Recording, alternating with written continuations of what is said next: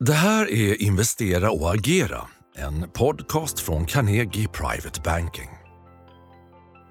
Det är skottdagen den 29 februari. Det är AI-bränsle tillsammans med hopp om både hygglig tillväxt i USA och räntesänkningar från Federal Reserve som lyfter amerikanska börser till nya rekordnivåer. Vad betyder det för marknadsläget för Stockholmsbörsen och eh, för investeringsmöjligheterna för privata investerare? Vi reder ut tillsammans med Peter Nelson, portföljchef på Carnegie Private Banking. Jag heter Henrik von Sydow denna sportlovsvecka med på distans från Härjedalen och Fjällnäs högfjällshotell. Välkommen till podcasten Investera och agera. Och välkommen Peter! Skönt att ha dig på plats i studion på Kungsgatan. Ja, tack så mycket. Jag håller ställningarna här. Mm. Du, just sista dagen i februari både månaden och rapportsäsongen är ju så gott som över. Hur tycker du att vi kommer ut ur årets andra månad? Vad, vad är ditt omdöme om status, styrka och dynamiken i marknadsläget just nu? Nej, men jag får nog säga att jag tycker att det ändå är ganska så starkt där ute. Jag menar tittar vi på, på februari så, så amerikanska tioårsräntan som har styrt humöret så mycket de sista åren egentligen. Den är upp faktiskt 30 punkter, alltså 0,3 procent.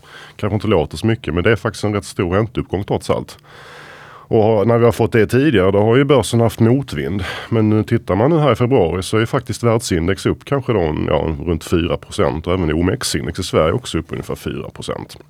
Så jag tycker att eh, eh man får sätta det ganska starkt. Småbolagen hänger inte riktigt med här. Men, men ändå. Vi har Japan som ju kom på ett nytt all time high. Det var lite rubrik om det här eh, till slut. Då, då. Så att, och även till och med Kina som är väl den börsen som har varit riktigt svag länge. Har faktiskt studsat upp här på sistone. Så jag tycker ändå att och volatiliteten ändå är rätt låg. Så att underliggande starkt. Sen kan man möjligtvis hävda, ja men är det inte mycket sådär stora techbolag i USA som fortfarande drar lasset? Ja, jo det är väl, det är väl det man skulle kunna liksom anföra som lite motargument. Men jag tycker ändå så att mm. trots lite koncentrerad uppgång så är det ändå liksom underliggande starkt, helt klart. Men där ska ju sägas mm. då inför eh, dagens inflationssiffra som kommer i eftermiddag. Um, så att den, den kan ju möjligtvis ändra på humöret. Men, men just, just mm. än så länge stark tycker jag. Ja, du, och sista veckan då förstås som jag nämnde också i starten mycket, mycket fokus framförallt för det här en vecka sedan precis då hur, hur eh, AI-bränslet eller efterfrågan på AI-tjänster lyfter amerikanska börser. Du var inne på det. Kan börserna vara lite stressade? Finns det en närvaro av den här FOMO-kraften? Alltså fear of missing out, missa tåget-effekten. Eh, fr från ditt perspektiv, vad betyder den här efterfrågan på AI-tjänster som drivit eh, amerikansk tekniksektor? Vad betyder det för Stockholmsbörsen? Vad betyder det för svenska bolag? Jag kan hålla med om att det kanske här och var känns som lite, så lite panik att hänga på det här tåget. Eh, så att ja, lite så kan det nog vara.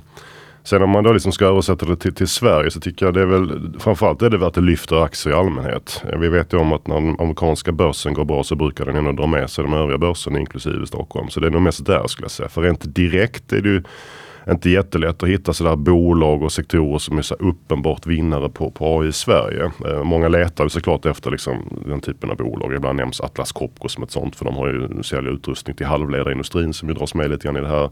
En del pratar om Munters som har mycket datacenterexponering. Det har också lite med, med det här att göra. Hexagon tycker en del kanske är liksom det närmaste Sverige har som svar på något AI-bolag. Men det är ändå lite, lite svaga kopplingar tycker jag. Så att, mm. det är nog mer det här liksom allmänna. Och sen kan man ju vända på frågan och säga att det, det finns ju många som kommer bli vinnare på att använda AI. Men då är mm. det, är lite en annan. Det kan ju vara många industrier. Allt från att ta fram läkemedel till liksom optimera industriprocesser, kundtjänstbolag, alltså allt från banker och teleoperatörer och sånt där. Att man kan effektivisera. Så där kan det finnas saker att hämta men då är det lite mer långsiktigt. Just det. Och här och nu kanske då mer risk-on i sentimentet. Det, ja. det är väl en effekt. Ja, det är nog rätt. Du, på temat eh, Sverige då, mer på temat Sverige. Igår i onsdag så kom ju en tung temperaturmätare på konjunkturen, om än något tillbakablickande, Konjunkturinstitutets barometer. Vad tar du med dig från den sammanställningen, från, från, från den färska datan då?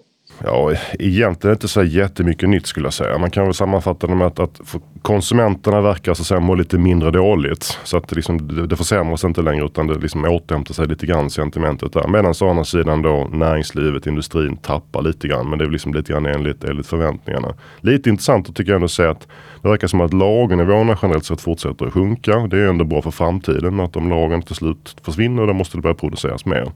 Plus att faktiskt eh, små, små gröna skott tycker jag i, i byggindustrin.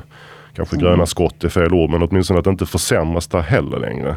Det har varit liksom en tydlig trend länge nu. Så att, att kanske lite bottenkänning i, i, i bygg. Så jag tror att liksom, mm. det verkar som att vi alla vänjer oss lite grann vid de här högre räntorna. Eh, och att, liksom, att det kanske inte blir värre härifrån. Sen ska vi komma ihåg, det har ändå varit tekniskt sett har vi haft recession i Sverige nu faktiskt tre kvartal i rad. Det kom ju BNP-siffror på morgonen som visar på att även i fjärde kvartalet så hade vi en, en recession. Så att vi är liksom, det är ju svagt i Sverige, har varit länge. Mm. Intressant ändå. Möjlig bottenkörning och brytpunkt för, för byggsektorn då i KI-datan. En annan stor händelse i veckan som, som präglat nyhetsläget, eh, men inte marknadsläget får man väl säga på kort sikt, det är ju då eh, steget mot svenskt NATO-medlemskap när Ungern som sista parlament röstade ja till detta. Eh, finns det någon effekt av ett svenskt eh, närliggande NATO-medlemskap som du håller särskilt ögonen på? Ja, om man liksom börjar den ekonomiska änden så tycker jag väl inte att det är något så jättestort egentligen. Det är klart att alla pratar om att det, liksom det här triggar mer eh, anslag till försvarsindustrin. Men det har ju redan, det har ju redan gjorts kan man säga. Sverige siktar redan nu på att komma upp till de här 2 gränsen av BNP. Så det, är liksom, det kanske inte blir mer av den varan. Sen kan det möjligtvis öppna upp för med export till NATO-länder. Men då är vi väl mer inne lite mest på det med försvarsindustrin som ju inte är så stor liksom på, på, på den finansiella marknaden. Däremot tänker jag väl liksom geopolitiskt kan det säkert ha stora effekter. Men det är väl nästan lite mer ditt område tänker jag. Mm, ja, nej, men man kan väl säga så att du, du var inne på att upprustningstrenden, den har vi pratat om tidigare, beredskapstrenden eh, finns ju redan här också för ett svenskt NATO-medlemskap. Även om det gav stöd till, till eh, Saab-aktien då.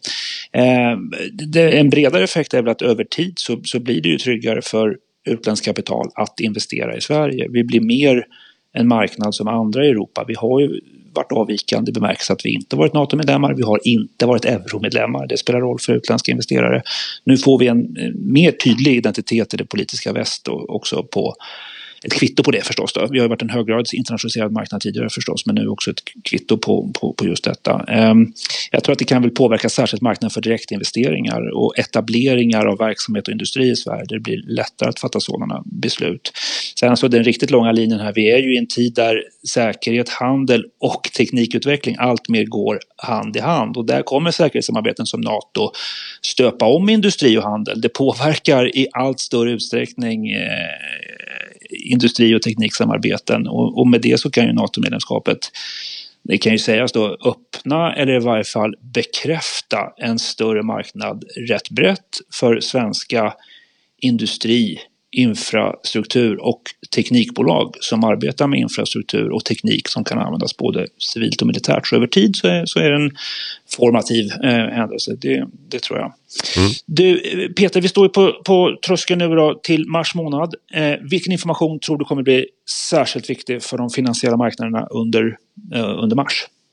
Ja, vi har ju en, en supermånad vad gäller centralbanker får man ju säga. I princip alla väl har möten här i, i mars. Det börjar med ECB, men sen kommer Riksbanken, vi har Federal Reserve, Bank of Japan, Bank of England. Eh, så att det är ju liksom beskeden därifrån jag kommer säkert att styra humöret ganska mycket.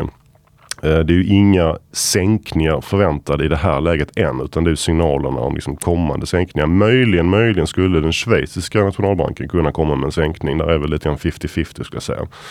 Men i övrigt så, det skulle ju vara en signal om den första som faktiskt sänker. Då. Men, eh, men som sagt, så beskeden därifrån tror jag kommer att vara ganska styrande.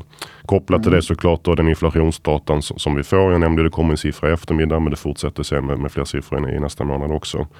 Och sen har vi ju även faktiskt den här Super Tuesday, den inte den 5 mars. Eh, när det är en massa val i, i USA, primärval. Som vi kan lite grann forma även om vi kanske det pekar just nu mot att det är Trump som kommer att gå segrande ur det här så vet vi väl kanske lite mer efter den där Super Tuesday. Så amerikansk politik fortsätter väl också liksom mer och mer komma upp på, på radarn på något sätt här under, under året. Mm.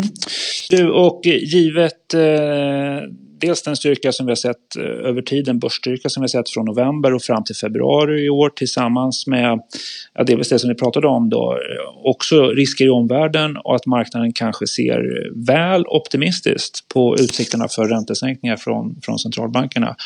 Hur, hur sannolikt, eh, eller vad är risken för, för bakslag på börsen i, i närtid?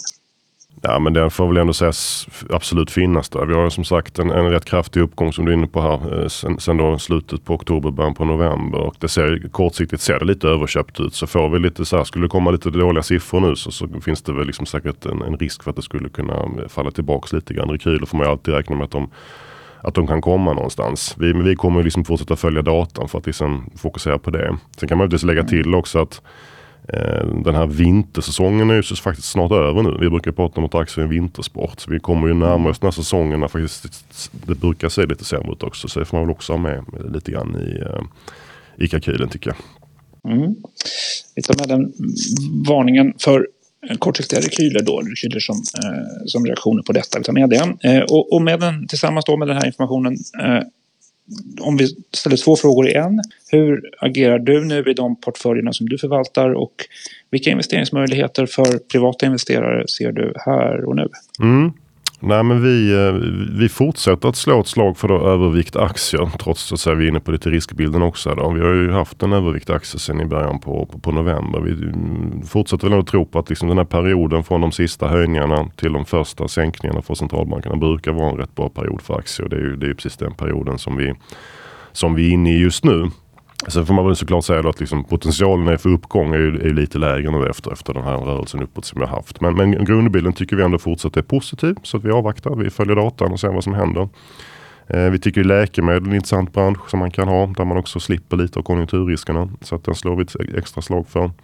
Vi tycker fortsatt också att de här ändå stora techbolagen är intressanta att äga. Eh, trots uppgångarna och det är för att vinstutvecklingen är så stor som den är just nu. Så att i det korta perspektivet tycker vi nog att man eh, det är okej okay att äga dem också.